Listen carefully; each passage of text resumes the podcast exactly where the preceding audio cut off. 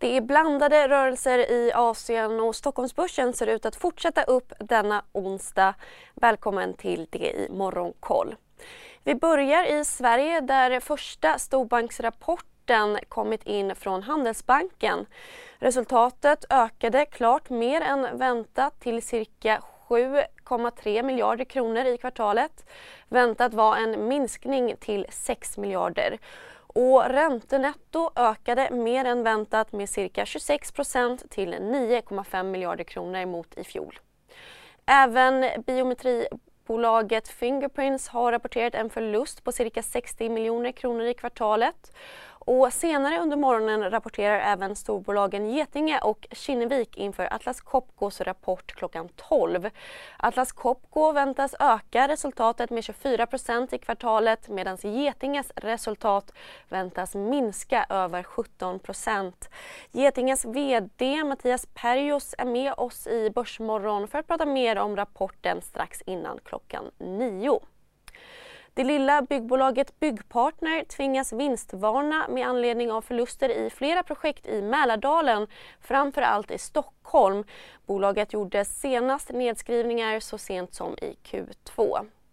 Vidare avgår budbolaget Urbits styrelseordförande Lage Jonasson på egen begäran. Uppgifter om att Jonasson tvingats sälja aktier i bolaget fick Urbits kurs att kollapsa tidigare i oktober. Budbolaget kommer även att genomföra en företrädesemission om cirka 196 miljoner kronor. Och den svenska e-handeln återhämtade sig något i september enligt Svensk Handels siffror. Försäljningen steg 16% i årstakt vilket delvis förklaras av fjolårets försäljning i september som var ovanligt svag. Enligt Svensk Handel är även prishöjningar en delförklaring till uppgången. Vidare till Asien där Tokyobörsen där det finns ett samhälle, där finns det brott. Krimrummet är podden som tar brottsligheten på allvar.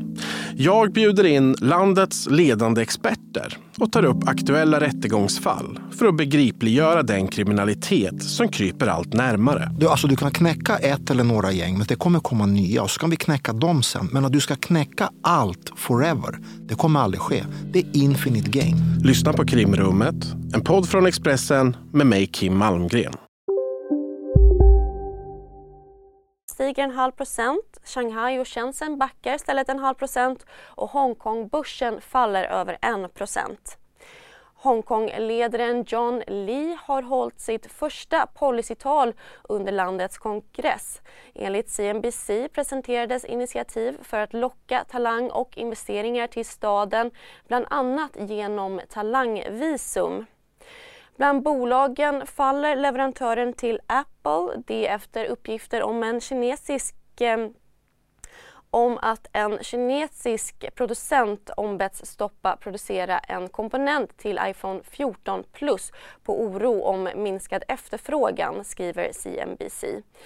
Biltillverkare går starkt i Japan där tech-investeraren Softbank stiger som mest med 4 Vidare har Japans centralbankschef beskrivit yenens försvagning som kraftig och ensidig. En dollar kostar nu strax över 149 yen. Och Wall Street-börserna fortsatte upp igår, Breda S&P 500 och Nasdaq steg runt 1% Streamingjätten Netflix steg 14,5% i efterhanden efter en starkare kvartalsrapport än väntat. Antalet prenumeranter ökade med 2,4 miljoner vilket var mer än dubbelt så mycket som bolagets egna prognos. Även storbanken Goldman Sachs och militärbolaget Lockheed Martin steg 2,5 respektive 8,5% på starka rapporter.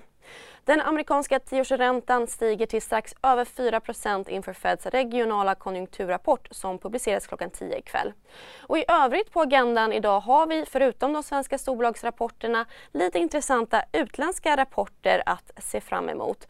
Bland annat den amerikanska dagligvarujätten Procter Gamble samt den nederländska chiptillverkaren ASML innan elbilstillverkaren Teslas siffror efter börsstängning i USA.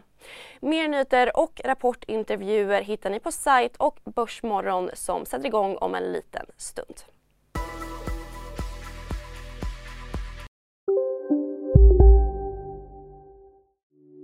Hej, Ulf Kristersson här.